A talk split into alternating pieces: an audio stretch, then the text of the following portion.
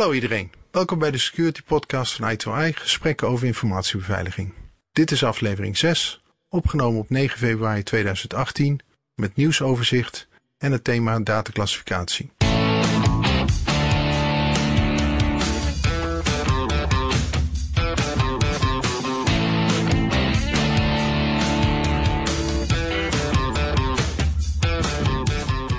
In deze aflevering mining en IoT botnets, Coincheck en IOTA hacks, Strava, Maersk naar NotPetya en het thema dataclassificatie.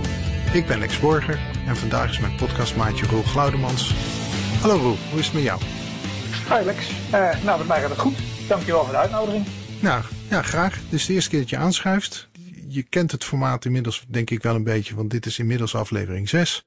Uh, en ik heb jou dus gevraagd om jouw weetje van de week. Ah, ja. We hebben deze week natuurlijk de raket van eh, Elon Musk omhoog zien gaan. De Falcon Heavy. Het was niet de eerste van hem. Alweer enige tijd geleden is er een testvlucht omhoog gegaan van de Dragon-capsule. Die gebruikt wordt om ISS eh, te bevoorraden. En die had een uh, topgeheime lading aan boord. Ja, en dat was? Een kaas. Het, uh, het blijkt dat Elon fan is van Monty Python. Als verwijzing naar de sketch met John Cleese die kaas gaat kopen in een winkel die geen kaas verkoopt, maar wel muziek heeft ja. had hij een kaas aan boord gestopt. Hij heeft uh, leuke verwijzingen. Uh, Tesla met uh, de, de Spaceman uh, muziek is natuurlijk ook interessant. Ja, en Don't Panic en de handdoek in het dashboardkastje. Oh ja, ja, ja. Met de verwijzing naar de Hitchhiker. Ja. Ja, hij is goed bezig, die Elon, met zijn space avonturen. Ja, het, eh, als je naar de ontwikkelkosten kijkt, ik geloof dat hij voor de Falcon-raket iets van 440 miljoen dollar nodig had. Dat is een derde van wat NASA normaal uitgeeft uh, voor zo'n project. Ja. Weet je, ik vraag me op de achtergrond eigenlijk iets af of het iets te maken heeft met de risicobereidheid van beide organisaties. Bij NASA mag natuurlijk niets fout gaan. Bij SpaceX, uh, ja, weet je, Elon is de enige aandeelhouder. Dus dat, hij bepaalt het. Ja, aan de ene kant wel. Aan de andere kant wil hij natuurlijk ook wel naar een uh, publieke dienst toe. Die uh, ja, bij falen ook nog wel wat uh, verkeerde uitstraling heeft. En we weten ook dat NASA in ieder geval niet onfeilbaar is geweest door de jaren heen. Nee. Ik, ik vraag me af of het risicobereidheid is of dat het ook iets te maken heeft met gewoon minder bureaucratie. Ik denk dat beide factoren een rol spelen. Als je kijkt naar hoe het bedrijf SpaceX is samengesteld met hoofdzakelijk jong talent, enthousiast talent. Ja. En met name mensen die weinig ervaring hebben in het ruimtevaartbedrijf. Uh, en dus beter in staat zijn om out of the box te denken. Ja, dat out of the box denken zou natuurlijk ook heel veel uh, uit kunnen maken.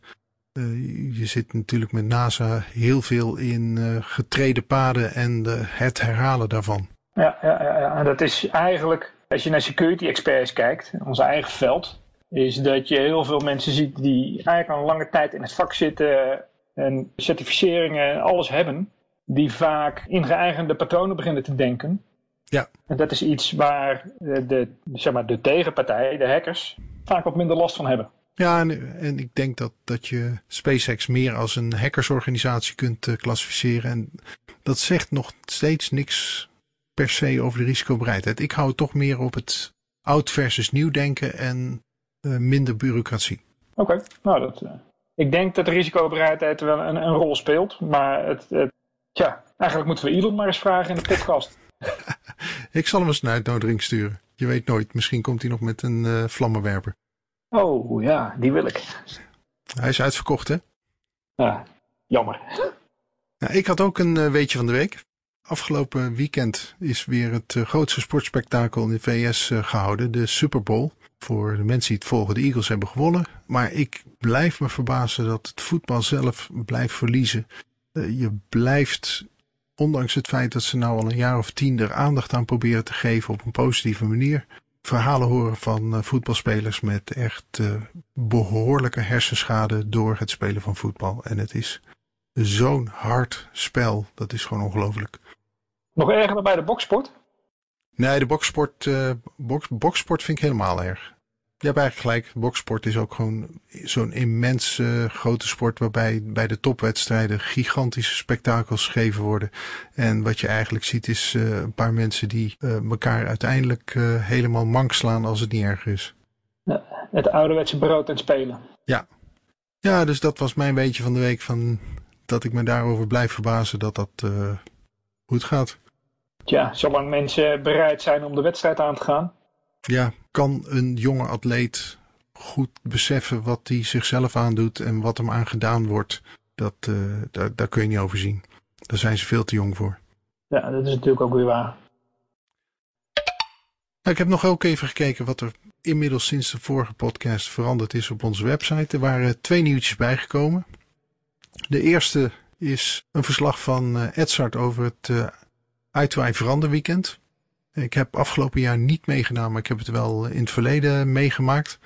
Het blijven interessante dagen waarbij uh, echt een groot deel van het bedrijf zich, zich terugtrekt onder het thema van veranderen. En dat zowel professioneel als in gezellig samen zijn daar ja, 24 uur onderdompeling in doet. Ben jij wel eens op een veranderweekend geweest?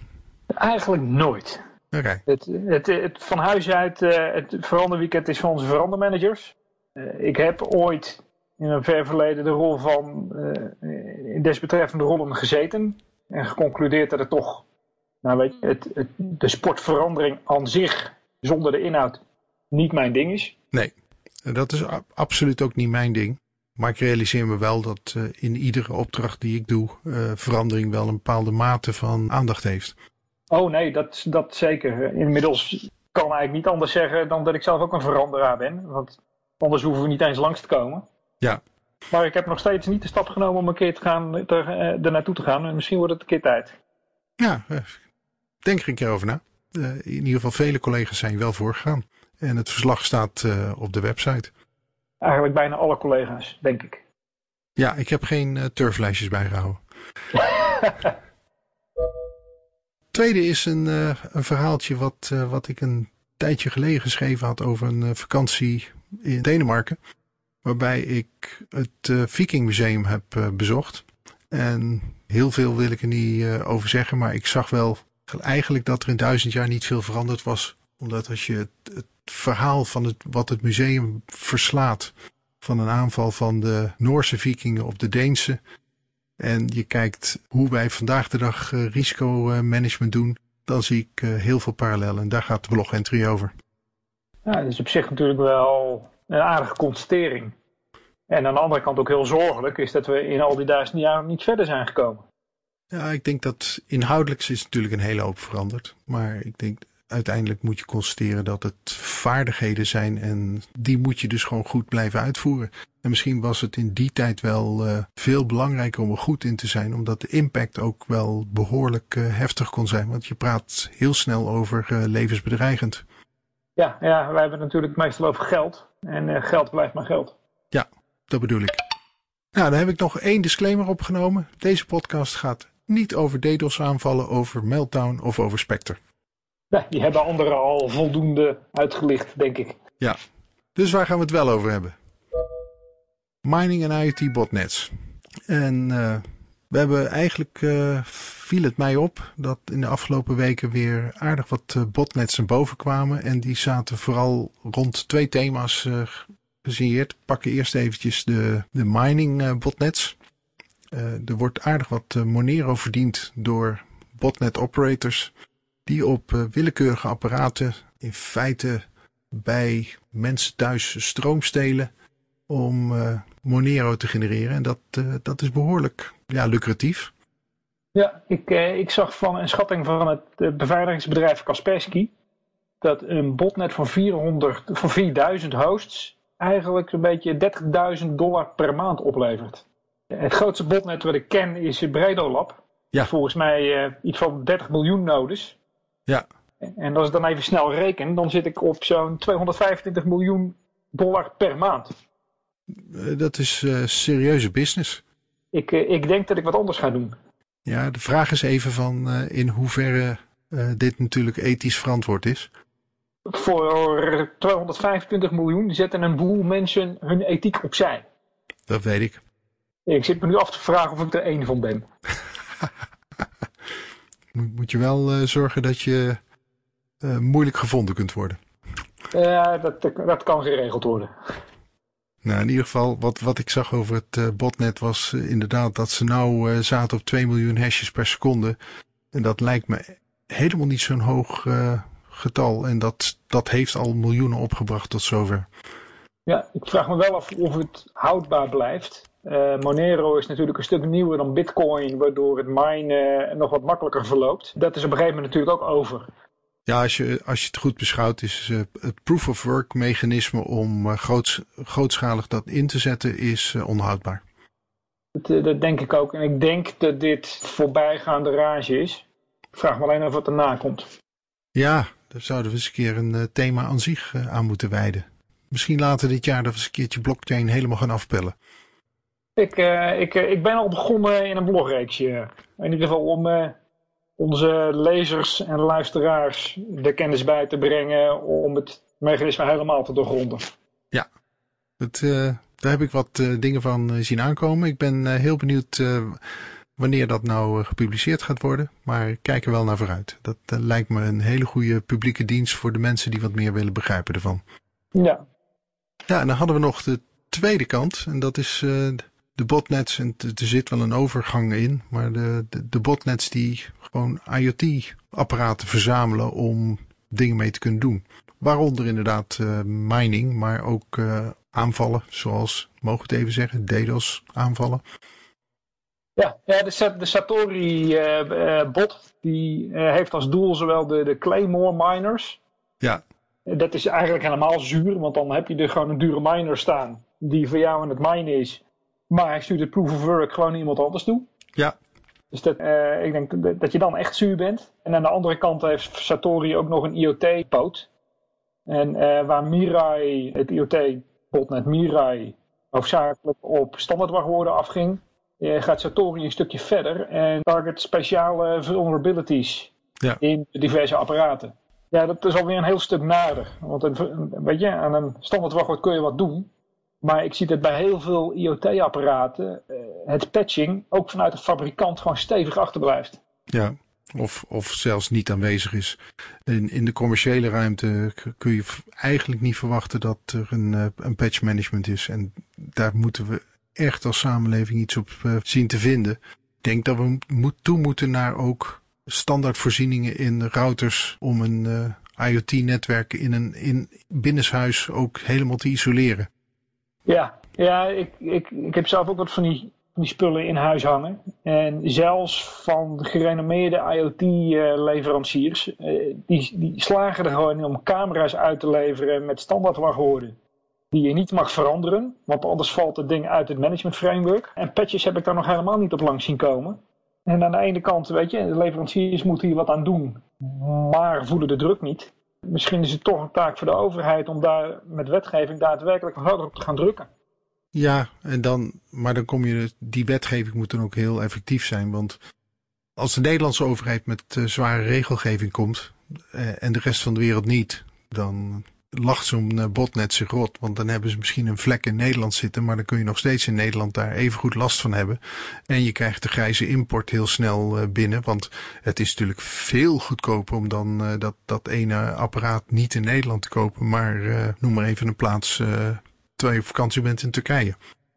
Ja, aan de andere kant voor, radio, voor radioapparaten hebben we het ook voor elkaar gekregen. Dat apparaten eerst gecertificeerd mogen zijn voordat ze überhaupt verkocht mogen worden.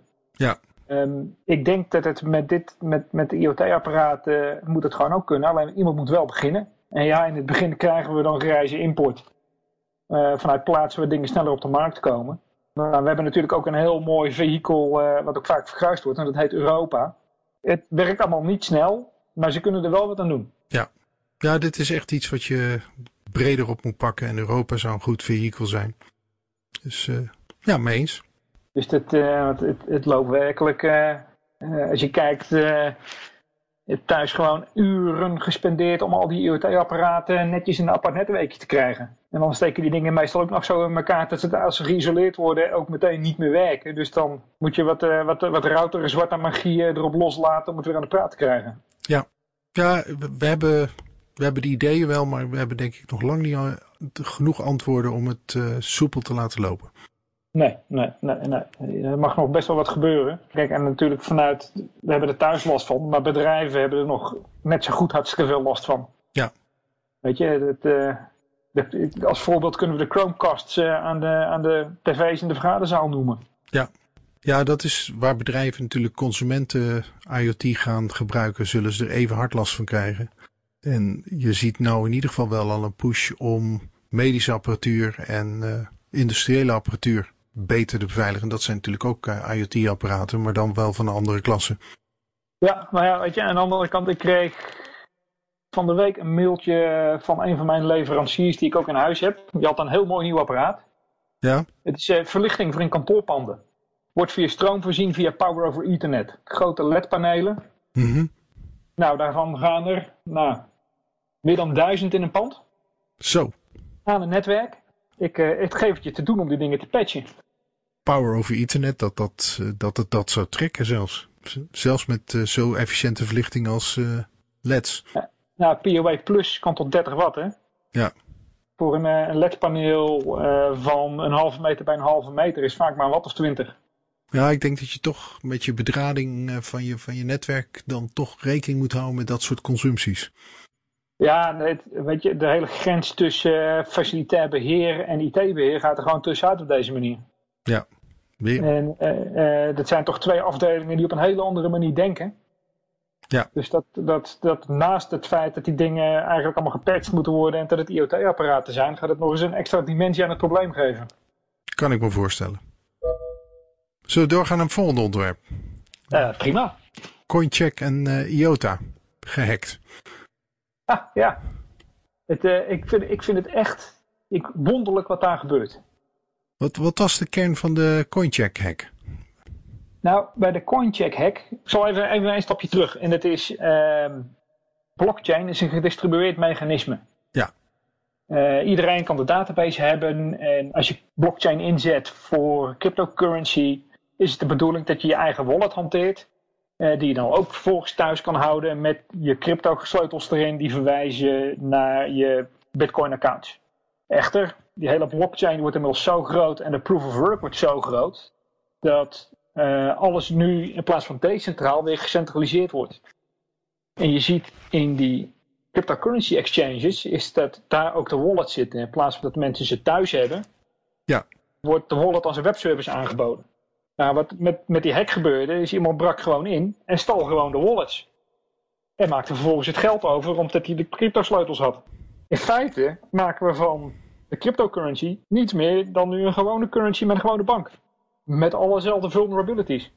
Ja, ja uiteindelijk, er, is maar een gelimiteerd aantal mensen wat voldoende kennis heeft van cryptografie en de techniek erachter dat ze zich beseffen dat er een uh, private key is die je ten, alle, uh, ja, ten koste van alles geheim moet houden.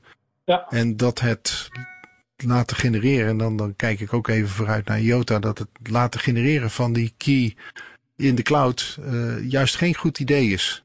Dat daarmee dus ook het laten beheren van die hele wallet in de cloud, behalve als je even een uh, payment zou willen maken, is dan ook geen goed idee. En hier moeten denk ik echt nog een paar nieuwe mechanismes ook uh, toegevoegd worden. want ja, wat, je uiteindelijk doet is, uh, je administreert heel mooi dat er uh, dingen fout gegaan zijn, maar je kunt ze niet stoppen. Nee, en uh, een blockchain heeft nog één ander nadeel, en is dat je een transactie niet terug kan draaien. Nee. Want het, het komt allemaal met allerlei andere transacties in één blok van de blockchain terecht. En zonder al die transacties weg te gooien, kun je het stelen dus van het geld, kun je niet terugdraaien. En als het eenmaal in een andere account zit, ja, degene die daar de sleutel van heeft, die is in control. Ja. En dat is eigenlijk het mooie, is dat van de coincheck hack, we zien gewoon waar het geld is. Ja, niet, niet, niet persoonlijk, maar wel inderdaad uh, cryptografisch. Ja, we weten waar het in het blok zit. De eigenaar is, is anoniem, die heeft zijn naam niet ingevuld. Nee. Maar zolang we de sleutels niet hebben, kunnen we er niet meer bij. Ja. De, het is trouwens voor de, voor de hacker, voor degene die het gestolen heeft, was ook nog wel een dingetje om het vervolgens uit de blockchain te halen en het om te zetten in geld. Want dat gaat ook niet zomaar. Ja, daar, daar hebben we al ook genoeg voorbeelden van in het uh, echte leven hoe je dat doet. Je, je knipt het in uh, heel veel kleine stukjes op en je, je, je, doet daar heel veel kleine transacties mee, waardoor het uh, traceren daarvan gewoon nagenoeg onmogelijk wordt. Ja, en er zijn ook anonieme exchanges zoals Shapeshift. Uh, die het heel moeilijk maken om het vervolgens te traceren. Ja. Het omzetten van de gestolen valuta in daadwerkelijk in echt geld is minstens zoveel werk als het stelen van het geld. Oh, dat geloof ik wel, ja. Dan gaan we door naar het volgende onderwerp, eh, Strava. Ja, ik heb het toch nog even opgenomen in eh, de lijst, omdat je hiermee kunt zien, een eh, stokpaardje van mij, dat als jij een hele hoop informatie die aan zich onschuldig klinkt om te delen in de cloud, bij elkaar optelt, dat je dan ziet dat de optelsom ja, eigenlijk geheimen kan weer blootgeven die niet de bedoeling waren. Het, is dit niet zeg maar, weer een bewijs dat security door obscurity niet werkt, Lex? Ja, ik denk dat je gelijk hebt. Het is, het is helemaal parallel aan mijn, mijn roep om de wachtwoorden ook uit te bannen dit jaar. En is op zoek te gaan naar wat daarvoor nodig is. Ja, security by security werkt gewoon niet. Je, het het afschermen van Google op ja, interessante plaatsen op de kaart is eigenlijk alleen maar meer een, een schijnwerper erop zetten van waar moet je zijn om interessante informatie te vinden. Ja, dat is, dat is waar ook. We hadden met Google Maps hadden we inderdaad ook zo'n dingetje. Dat met externe dataverzameling opeens dingen naar boven kwamen die bepaalde partijen liever niet hadden gehad. Ja, ja we zitten daar nog eh, behoorlijk in, uh, in de leermodus. Zelfs als je geen uh, andere satellietfoto's zou kunnen vinden die de informatie dan wel weergeven, dan heb je natuurlijk nog altijd zo dat al die plekken die ze afschermen een prachtig target zijn om met een drone overheen te vliegen.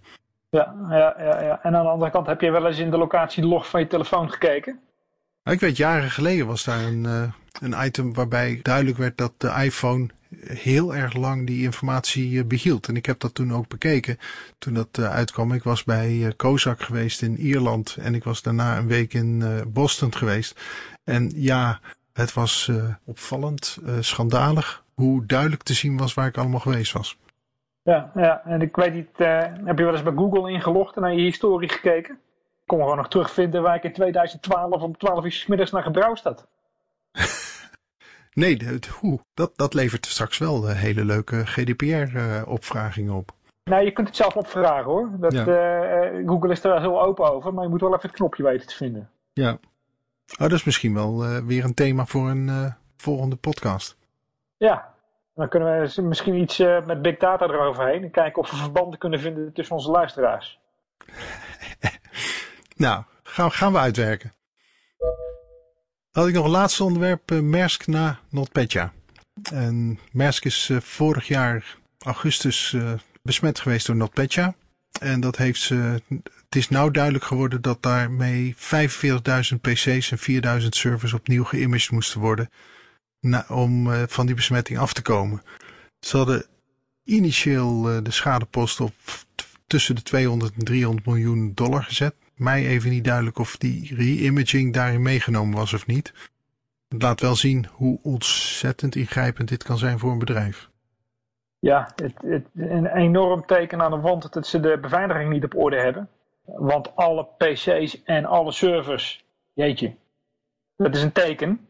Aan de andere kant enorm veel respect voor dat bedrijf. Dat ze in relatief korte tijd 45.000 PC's en 4.000 servers gewoon opnieuw weten te imagen. En dat daarna alles nog werkt. Ja. Dus de, de, de provisioning hebben ze blijkbaar wel goed voor elkaar.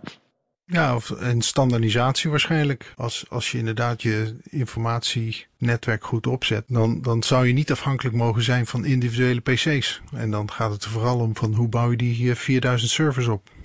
Ja, ja, en als ze niet gestandardiseerd waren, dan zijn ze het nu alsnog wel. Na dit, uh, na dit incidentje. Da ook dat klopt. Ik denk dat het voor Maersk, hoewel dit een heel pijnlijk en duur incident was.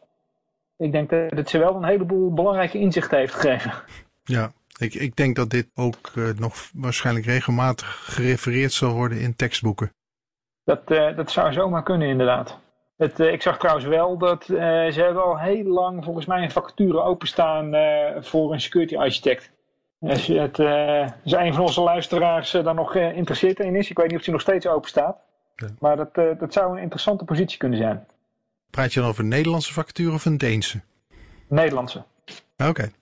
Uiteindelijk is het bedrijf natuurlijk wel helemaal geleid vanuit Denemarken. Dus dat zou de Deense positie misschien interessanter maken. Ja, aan de andere kant in Nederland hebben ze natuurlijk ook de, de hele Maashaven, eh, die, de, de terminal uh, die daar staat. Ja.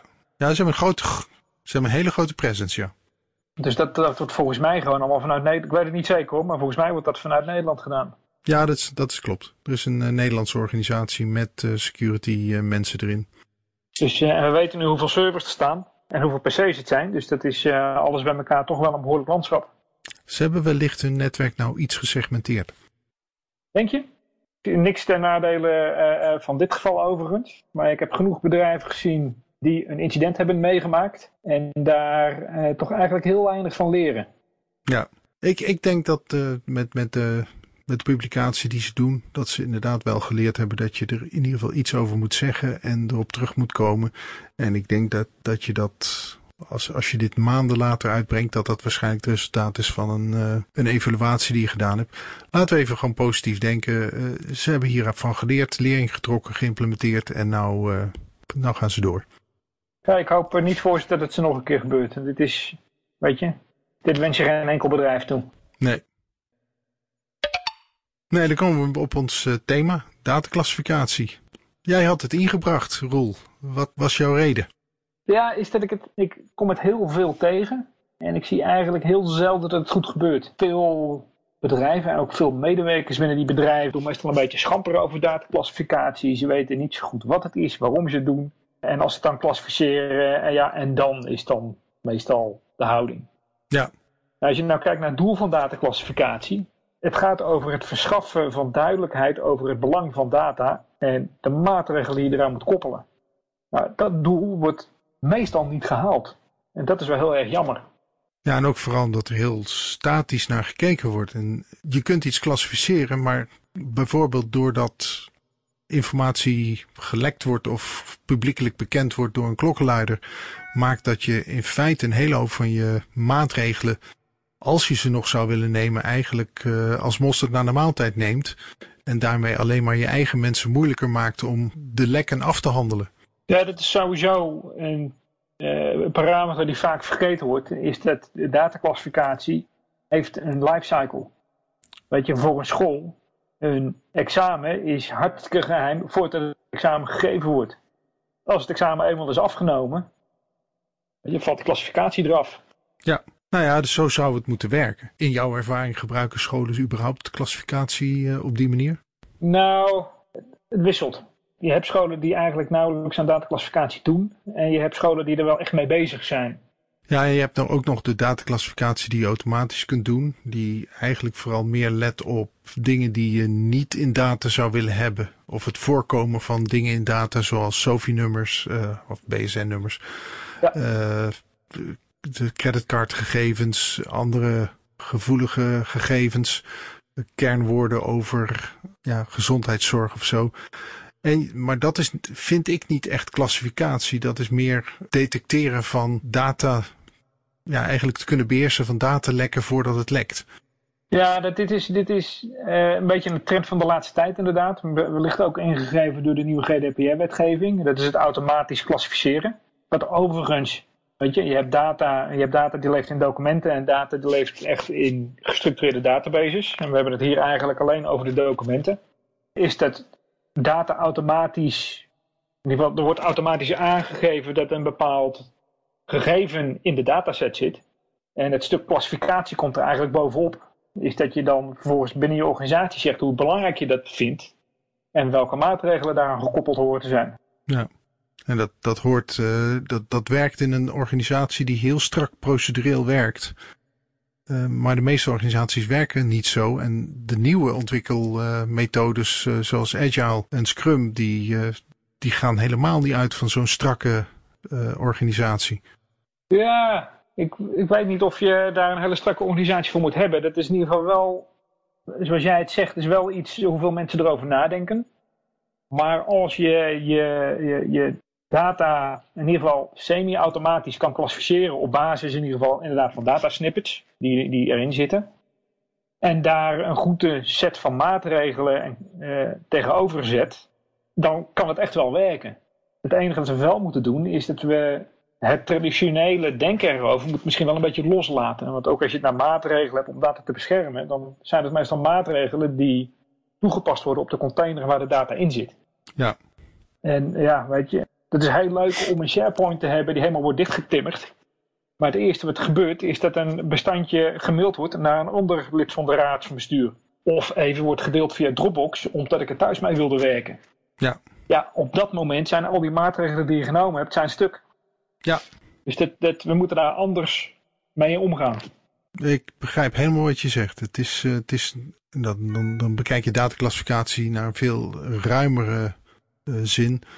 We denken er dus nog gewoon verkeerd over na. En een van de, als ik even goed luister wat je zegt, een van de grote problemen is dat uh, data-objecten zichzelf nog niet zo goed kunnen beschermen. en dat je dus dat vanuit de containergedachte moet doen. Ja, het is hetzelfde als de, de aloude manier waarop we netwerken beveiligen, is door er een hek omheen te zetten. Ja. Terwijl we daar ook al inmiddels al van weten dat dat niet zo goed werkt. Nou, dat geeft ook weer een, een leuke missie om naar vooruit te kijken. Volgens mij zijn wij als beveiligers nog uh, jaren bezig. Ja, dat denk ik ook wel. En zeker als je nu kijkt wat er in de markt ook aan, aan nieuwe uh, technologie beschikbaar komt, die de nieuwe manier van denken beginnen te ondersteunen. Nou, dan is het wel zeg maar een heel interessant landschap. En wat misschien voor ons als beveiligers minder goed nieuws is, is dat de tools ook steeds simpeler worden en makkelijker in te zetten. Waardoor ze ons niet meer nodig hebben. Ja, ja en dan pak ik toch even weer een referentie naar de DDoS aanval, uh, waar we het niet al te veel over zouden hebben. Maar heel veel mensen hebben zich verbaasd dat een simpele hacker zoveel uh, kracht achter een DDoS aanval zou kunnen zetten. Maar het is eigenlijk gewoon vandaag de dag, is, is dat hoe het werkt? Ja, ja weet je, uh, bandbreedtes worden overal steeds groter. Ik weet niet wat jij thuis hebt, uh, maar ik zit al aan een halve gigabit. En een beetje school ze tegenwoordig al aan 20 gigabit uh, met 5000 PC's erachter. Daar kun je serieus schade mee aanrichten. Ja, klopt. Dus daar moeten we gewoon mee bezig blijven. Ja, het, het, blijft een beetje een effect of life, een DDoS. En weet je, dus je, met de laatste DDoS zag je dat ook weer. En er wordt meteen gedacht aan georganiseerde misdaad die erachter zit. Terwijl het gewoon de jongen van de buren was die zich zat te vervelen. Ja, ja daar, daarom moeten we het nou uh, maar ook weer even afsluiten. Sorry dat ik het, uh, de doos van Pandora opengetrokken heb. Deze aflevering zit erop. We hebben lang genoeg uh, doorgepraat. we zijn weer lekker aan de tijd. En als allereerst wil ik graag alle luisteraars bedanken voor je interesse. Mocht je willen reageren naar aanleiding van deze aflevering, stuur ons dan een bericht via Twitter. Mijn Twitter-handle is Lex Borger. Roel, hoe wil jij gecontact worden?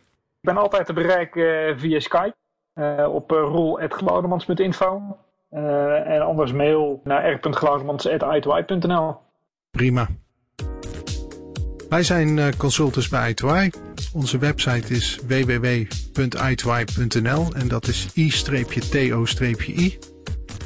Deze podcast komt eens in de twee weken uit en de afleveringen zijn te vinden als nieuwsitem op onze website.